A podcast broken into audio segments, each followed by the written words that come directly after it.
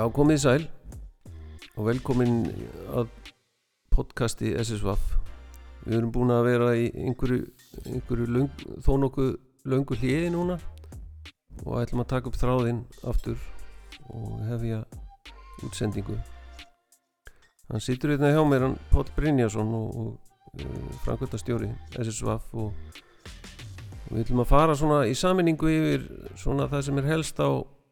á baugi, efst á baugi hjá okkur í, í SSVAF og e, byrja að spyrja Pál, hvað er svona efst í bunkanum hjá þér á borðinu? Það eru auðvitað ímisverkefni sem við höfum verið að sinna undanförnu og, og, og verið að leggja mikla vinnu í. Og auðvitað eru við í þessum hefðbundnu störfum að, og, og þessum hefðbundnu verkefnum sem að landsluta samtök svona alla jafna er að, er að vinna að. En það sem hefur bæst við og breyst hjá okkur núna á undanförnu og, og, og þessar breytingar er alltaf verða veiga meir í okkar starfsemi. Það eru þetta þetta að við höfum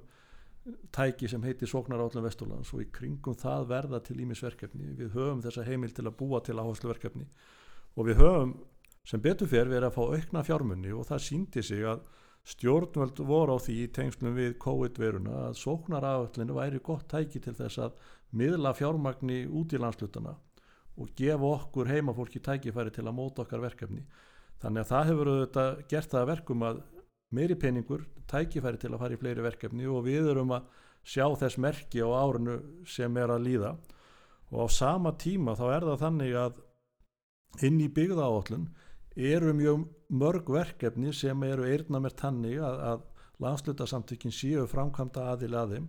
og svo ímis önnurverkefni það sem er talað um landslutasamtökin sem svona samstarfs aðila hins ofinbera í þeim verkefnum. Þannig að þetta þýðir að við erum líka að fá einhverju leiti fjármagn í gegnum byggðaállun og ég get bara nefnt sem dæmi tvö stór verkefni þar sem við höfum verið að fá fjármagn úr byggðaállun núna bara á síðasta ári og verið að vinna að og erum ennþá að vinna að. Það er annars vegar verkefni sem við köllum nýsköpunanett Vesturlands eða Nývest eins og það heitir og, og við erum að stopnum þetta félag formlega núna bara á næstu vikum Þar fengum við fjármagnin gegnum byggðaállun til þess að búa til net sem tengir saman alla þá aðila sem að vinna að nýsköpun og vesturlandi. Þetta eru þetta lengi verið okkar draumur að tengja saman atvinnulíf, háskólana,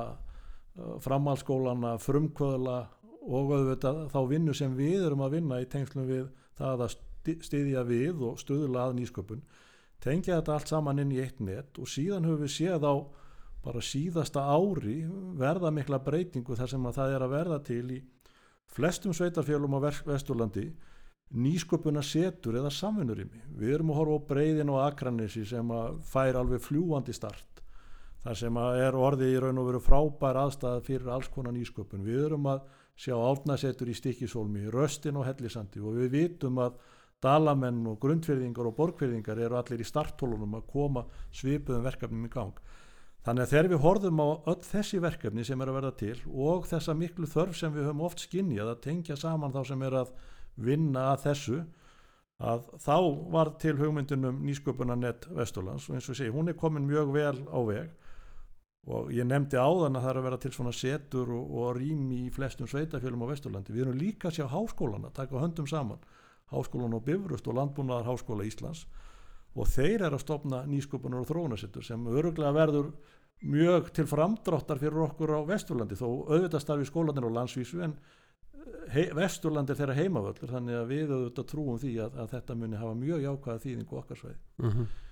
Þetta er svona eitt dæmum byggða átlanaverkefni, þetta stóra verkefni Nývest þar sem við fengum gott framlag til, a, til að vinna þessu verkefni.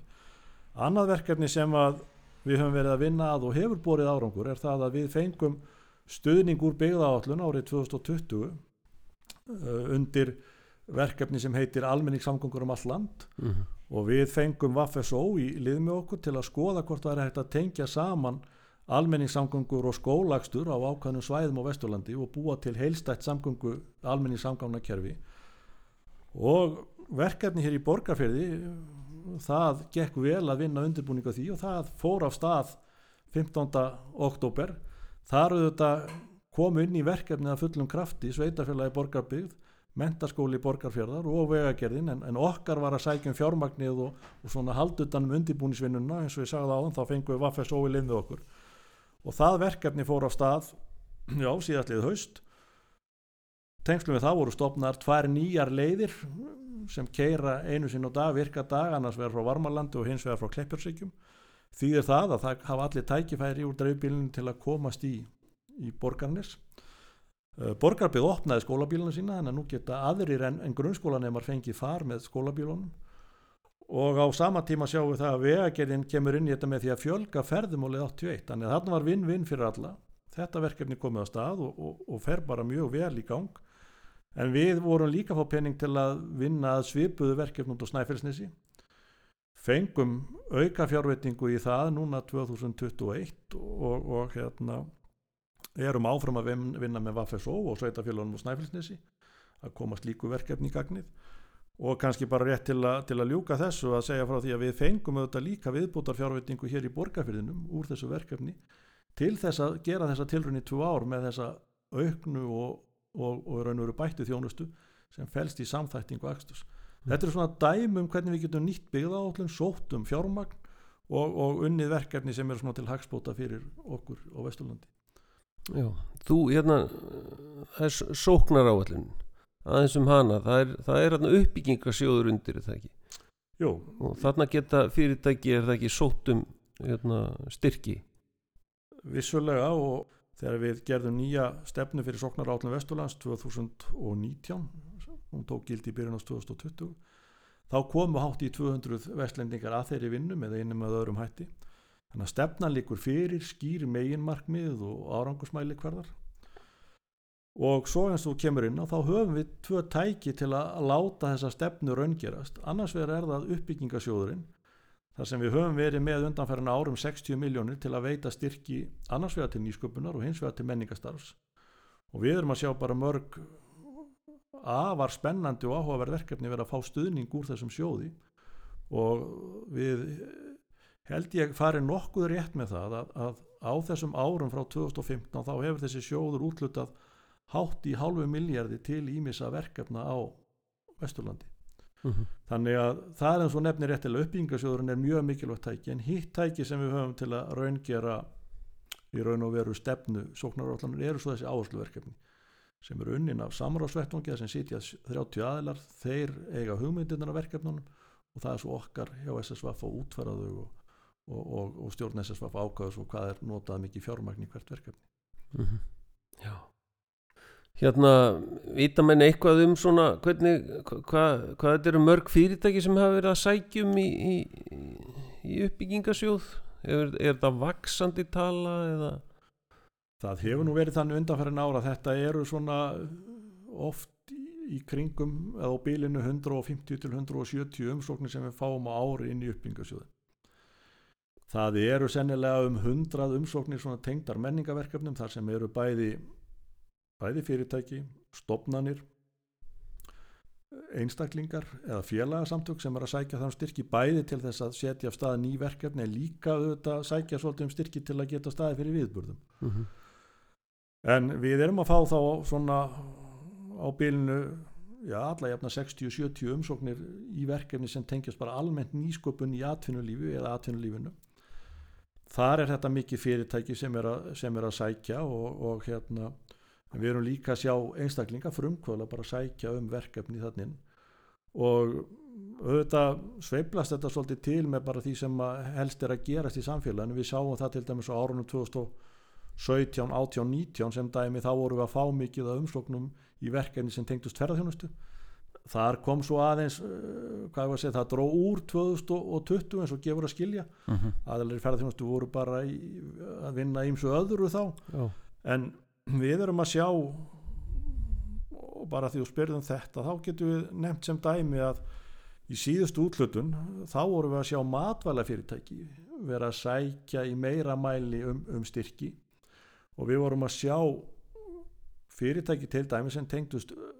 nýsköpunarsettuninu breyðin á Akranissi, Landbúnaðar Háskóla Íslands og fleiri aðila vera að fá styrki til að vinna að ímsum svona bæðar rannsóknum en ímsu svona sem er spennandi. Þörungar og, og skordýr og allt mögulegt sem, að, sem að kom fram í þessum umsóknum. Þannig að hérna, Mm. við erum kannski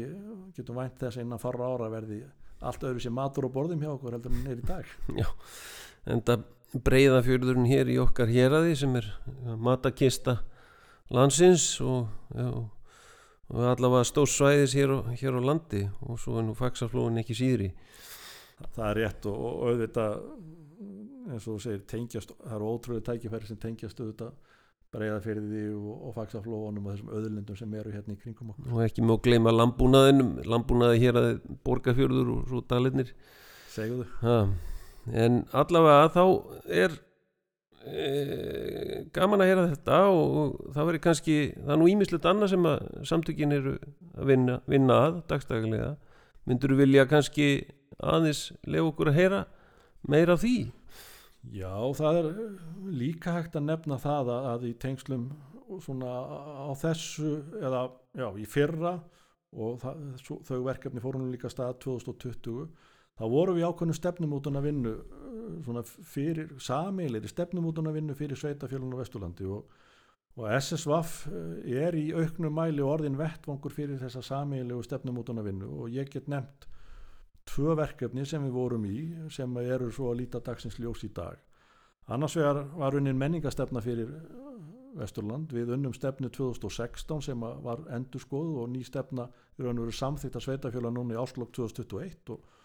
og það er búið að byrta hann og hún er komin í, í kynningu. En á sama tíma þá vorum við líka að vinna samgöngu og innviða áallin fyrir Vesturland og höfum gert það áður þar sem við einbyttum okkur að samskiptum samgöngum segi og, og fjarskiptum. En núna bættu við rávorkumálunum við inn í þessa, það sem við kallum samgöngu og innviða áallin Vesturlands. Sveitafjölun er öll búin að samþykja hana og, og hérna hún er að byrtast núna bara á næstu dögum í, í, í, þannig að hún hérna nái aðtikl íbúa að er búið að setja hann upp með, með skemmtilegum hætti þannig að þetta verður svona augna konfekt þegar menn fletti í gegnum texta með myndum og öðru slíku eða vonum það. Já. En nú búum við svo vel hérna á Vesturlandi það eru tveir háskólastarfandi hérna og, og nokkur háskólasetur líka. Uh, eða háskóla og rannsónasetur um, Þetta er náttúrulega hefur fært okkur mikið tækifæri vestlendingum og, og samstarfi verið ágætt hérna á milli. En nú horfir nú eiginlega svo til að, að, að samstarf SSVAF og, og háskóluna að minnst kosti hérna í Borgafyrði er sennilega að, að taka ný skref til bóta getur við sagt, er það ekki? Jú, klárlega, við erum uh, að sjá það og, og það er ákveðin verkefnin farin, farin á stað og ég get nefnt samstarf Háskólans og Bifurust og SSVAF um rannsóknir þar sem við erum að vinna saman að rannsóknum í, í byggðamálum og, og vonandi erum við bara að taka fyrstu skrefi núna, þetta verði enn öflugur og við getum tengt saman þá þekkingu sem að annars vegar er hjá okkur á byggðamálum og eins að svo þekking sem er að vera til inn, inn í háskólanum og úr þessu verði mjög öflugt rannsóknastarf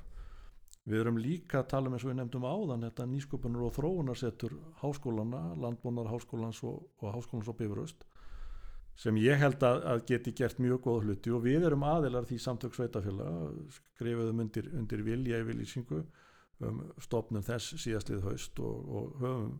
fengið að taka þátt í þeirri undirbúnisvinnu sem, að, sem er þar í gangi og vonast til þess að hafa góða aðkoma því í framtíðinni. Þannig að þetta eru tvö dæmi um, um verkefni sem eru mjög áhugaverð og, og, og þar sem við erum að tengjast háskólunum og háskólunum er raun og verið svolítið að bara opna á það sem þeir eru að gera og við vonandi njótum góðs að því en þess að það eru til ótrúlega tækifæri í kringum háskólan og þeir eru gríðarlega öðlind fyrir okkur vestlendinga. Það er frábært að, að á landsvæði sem telur rífilega 17.000 íbúa séu staðsettir tveir háskólar. Mm -hmm, Ég mitt En nú ertu svona að færa þig úr því að tala um núið og svolítið að lefa okkur að heyra hvað er framundan getur þú sagt okkur meira um hvað er framundan hjá svof? Já, það eru þetta verið að vinna að, að, að fullt af áhugaverðum verkefnum og, og hérna, við erum til dæmis verið að vinna verkefni í tengslum við öldrunarþjónustuna, þar sem við erum að kynna núna fyrir sveitafélagunum, hugmyndur um hvernig við gætum eld öldrunarþjónustu gagvart íbúum á svæðinu með auknu samráði og auknu samstarfi og, og ég vænti þess að, að svo vinna verður verði, já, verði á fullri ferð núna á árunni 2022 það er til við vorum að kynna nýlega stöðuskíslu varðandi það verkefni og, og það er búið að bæta auknu fjármækni í vinnuna. Þannig að það er fullt af slíkum verkefnum gangi. Það er auðvitað gríðarlega vinna núna eins og hjá ferðarþjónustunni við erum auðvitað að sjá fjölkun ferðamanna aftur á, á næstunni og, og hérna ef við erum að fá við gefum okkur það bara uppfærsbá Íslandsbanka sem erum að tala um og það komi einn og hálfur já, það komi hvað, einn og hálf miljón ferðamanna til Íslands á, á árinu 2022 og við sjáum að í rannsóknum þá erum við með svona cirka helminga þeim ferðamannum sem kom til Íslands. En að fá 7-800 ferðamann inn á Vesturlandi núna 2022 væri þetta frábært fyrir ferðarþjónustuna og, og ég lít svo á við séum tilbúin, við erum búin að vera að ebla þau tæki og tól sem við höfum til að marka setja Vesturland og vinna eblingu ferðarþjónustunar þannig að við eigum að vera ágætli í stakk búin til þess að taka þátt í þessu verkefni að krafti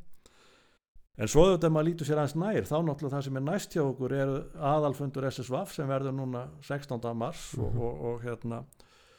þetta er raun og veru síðast í aðalfundurinn á, á þessu kjörtímabili vegna sem nú var það sveitatjóðnarkostningar 14. mæ það eru tveimur vikum, vikum fyrr en vanalega og það verður auðvitað fyrir okkur sem störfum í kringum sveitarfjölun þá verður auðvitað alltaf áhugavert að sjá hver verður niðurstað kostninga það kemur nýtt fólk til starfa í stjórnum og öðru þannig að hérna, það er verið alltaf ákveðin vatnarskil í kjölfar sveitarstjórnarkostninga hjá svona aðeil eins og okkur.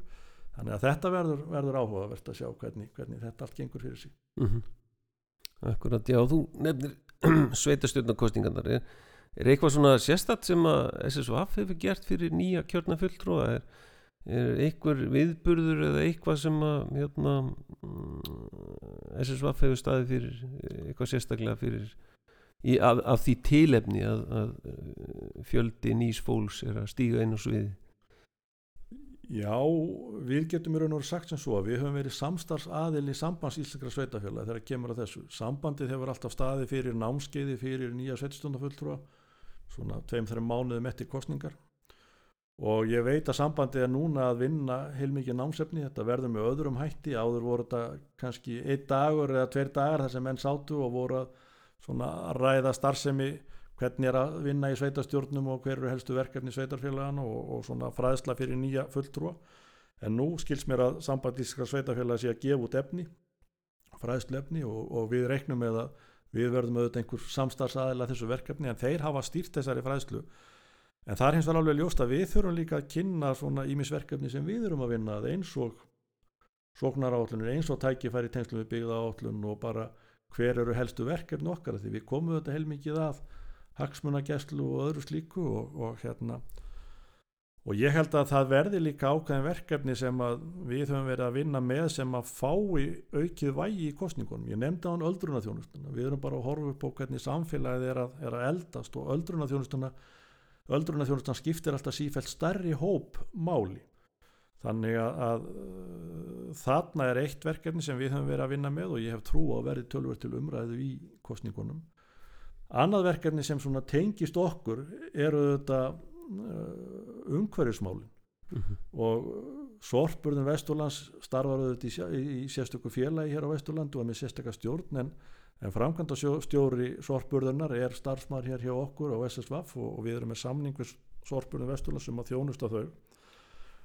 Og ég held að það sé eitt af því sem verði um, um, já, hvað ég var að segja meira áberandi í næstu kostningum heldur en hefur verið ofta áður. Það eru umhverjusmál, loftlagsmál hvernig förum við með úrgangin okkar og, og, og hérna. Þannig að það auðvitað tengist þeim verkefnum sem að hérna, við komum að varðandi sorpurðun Vesturlands Mm -hmm, akkurat, umhverfismáli stór þáttur.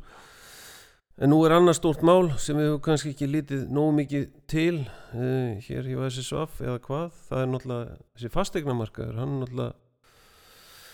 hann er gríðastórt kannski og vissanhátt ágefni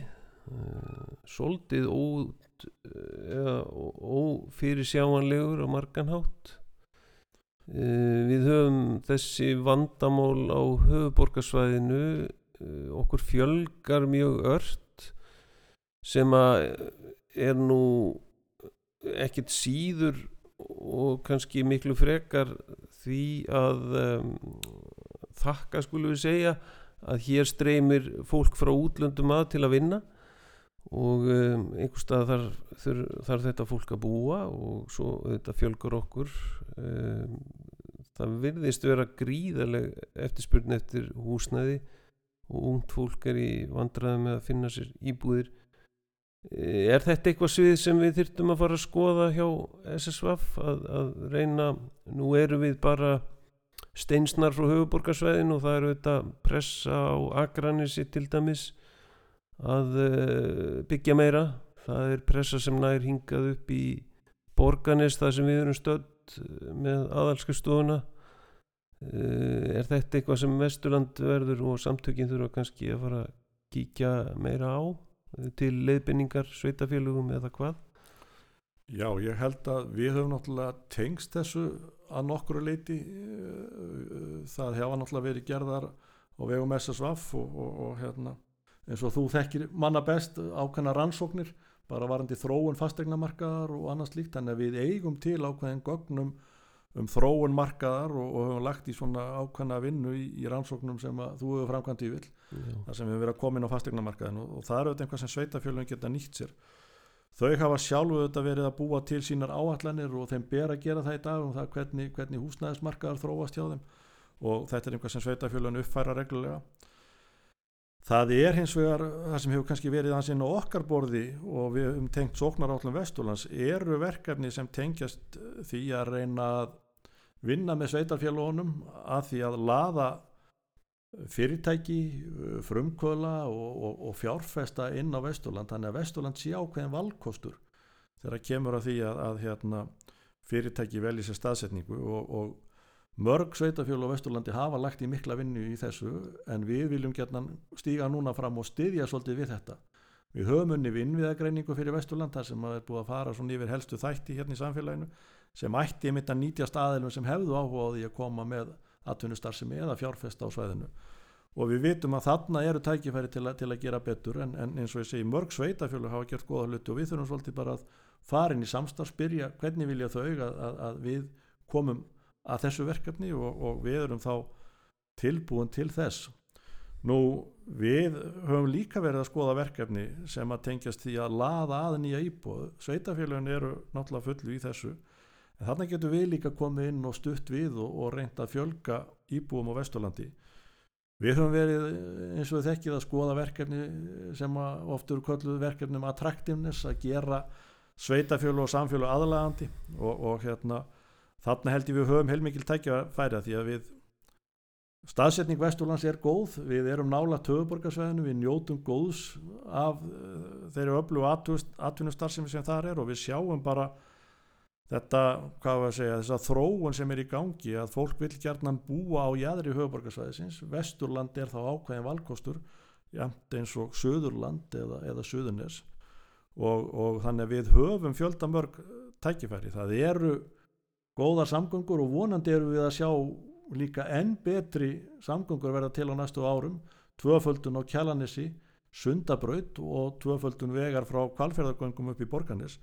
allt þetta gerir það verkum að, að við eigum auðvöldara með að laða til okkar íbúa sem, og gera Vesturland að valkosti við höfuborgarsveið þannig að ég held að sé með spennandi tímar framöndan hjá okkur í þessu og við höfum þarna gríðarlega mikil tækifæri. -hmm. en auðvitað skiptir miklu máli að sveitafjörlaugin séu með næjanlegt frambóð á lóðum og það séu fjölbreytt nýju lóðaframbóðinu þannig að það séu að byggja allar tegundir húsa. Og að því við erum að tala um þetta og höfum svolítið verið að tala um að, að auðvitað hefur íbúafjölkunin verið mest á sunnanverðu svæðinu Akranissi kvalfyrði hérna í borgarbyggð líka en við erum að sjá húsnæðiskort á Snæfellsnesi og við erum að sjá skort á húsnæði í dölum þannig að þetta á við um allt Vesturland við þurfum að taka okkur tækvarðandi þetta og hérna en, en Við höfum verið að skoða áhugaverð verkefni til að geta lagt sveitafjölu og hann líði í því að, að laða til sín íbúa og laða til sín fyrirtæki frumkvöla og, og jáfnveil fjárfesta. Já, er ymmit ekki eh, verið að spá í eh, eitthvað framald á þessu attraktivnes verkefni eða hvað? Aðl, aðlaðandi verkefni, ég veit ekki, segul seguls segulsins verkefni sveitafíla ekki hvað að kalla þetta er hérna Já, já, það er einmitt spurning hvað orðið við að nota attractiveness, er það aðlaðandi eða, eða hérna, það er kannski ekki einn stert og, og attraktív en, en ég veit það ekki en, en, hérna, en það er að því hún nefnir þetta, þá var stjórn SSVF að samþykja að við setjum svona af stað svona verkefni núna á þessu ári 2022 og það er búið að erðnamerkja fjármagn í þetta verkefni og, og, og hugmyndin er í raun og veru að við búum til ákveðin verkværi sem að sveitafjölögin geti nýtt sér í sinni vinnu til að laða að íbúa og við séum kannski að búa til svona einhvers konar verkværakistu sem þau geti, geti unnið með. Ymmitt, ymmitt Já, og þá er bara spurning sko uh, hvort að knýjafylgi kviði varðandi þá ef að segja hefðu ofinbera, ríki kannski sérstaklega og að uh, til dæmis uh, svo umræða sem hefur átt sér stað um, um, um störfa án staðsetningar hún raungerist uh,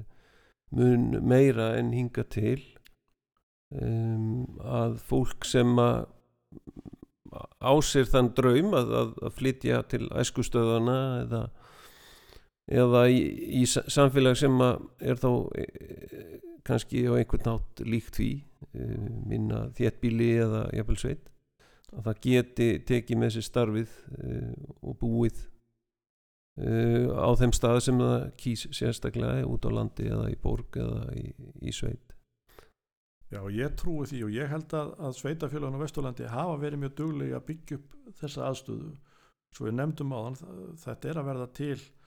á flestum þéttbílisstöðum svona einhvers konar samvinnurými sem að auðveldar það lítur að vera mjög áhugavert ef þú ert að taka að þér starfa án staðsetningar að geta komist inn í samt á heimavelli inn í einhvert samfélag þar sem aðrir er að vinna í, í verkefni þú þurfur ekki bara að sit, sitja heima. Og þetta verður til þess að, að því við erum komið þessi samvinnur í músetur fólk fær aðstöðar, það kemst inn í ákveði samfélag og það verður miklu einfaldara fyrir fólk á Vesturlandi að, að sækja sér störf án staðsetningar að samaskapi þarf þetta ríkið að opna miklu meira á það að auglýsa störf án staðsetningar og þróunin vilist vera mjög hröð hvað þetta varðar. Að þetta er að raungerast að við sjáum það, ég held við getum alveg sagt það fullum fetum að það var tregða inn í stjórnkjörfinu að auglýsa störf án staðsetningar. En þessu hefur COVID breytt og við sjáum að það eru æfleiri stopnarnir, það eru ráðunitu og aðri sem að hyggjast núna auglýsa störf án staðsetningar og þetta eru þetta eitt af markmiðunum sem voru inn í byggðaállum að það erði ákveðin fjöldi starfa auglýstur án staðsetningar. Þannig að í þessu felast heilmikil tækifæri fyrir okkur og alveg svo þú nefndir áðan fólk getur látið draumin rætast og flytja á æskustöðarnar og, og teki starfi með sér. Og þetta er nú það sem oft hefur verið talað um í byggðafræðanum að verði þróunin að starfið fylgi einstaklingunum þannig að þú hefur einhver ákveðna sérþekkingu eða sérhæfingu og þá tekur þú starfi með þér en þú þarfst ekki alltaf starfi þar sem það er til staðar þannig ég held að þetta séu heilmikil tækifæri fyrir okkur, okkur vestlendinga að hérna þegar eins og ég segi ef að bæði hjá ríkinu að störfverði á staðsendingarna líka fyrirtæki þurfa bara að vera mjög opinn fyrir því að, að hérna, það er hægt að vinna verkefnin nánast hvar sem er Einmitt. og við höfum náttúrulega séð það í okkar ansóknum að, að hérna, fólk er auðvitað ólíkt þó að hérna, það séu þetta meiri hluti íbúa landsins sem vill búa í Stóriborg og hafa þá kosti sem að hérna, hún býður upp á nær, næst sér. Og það er bara gott. Við landið allt græðir á stóru þéttbíli og stóri borg, það er ekki nokkuð spurning. En, en síðan er fullt af fólki sem á sér líka þann draum að, að búa í annars konar samfélagi, minna samfélagi fámennara eða í sveit eh, minna þéttbíli, eitthvað þess að þar og við höfum þetta svo sem þessa kosti víða um land fyrir þá sem að það kjósa og, og ef vinnumarkaðurinn losar um þau bönd sem að hafa verið á kröfu um að menn búi nánast við hlið vinnustæðarins þá, þá, þá, þá kannski verður þessi nálgun og þessi já, búsitu þróun kannski nær því sem að fólk á sér drömmum getur sagt og allir geta að vera ánæðar heim eftir það. Ég held að við höfum þetta ekkert mikið lengra að sinni. Ég held að þetta sé bara komið nokkuð gott spjall og hérna um, þakka bara kjallaða fyrir þetta Páll, Já, ta- takk fyrir mig og, og takk fyrir spjallið. Takk. Og verðið bless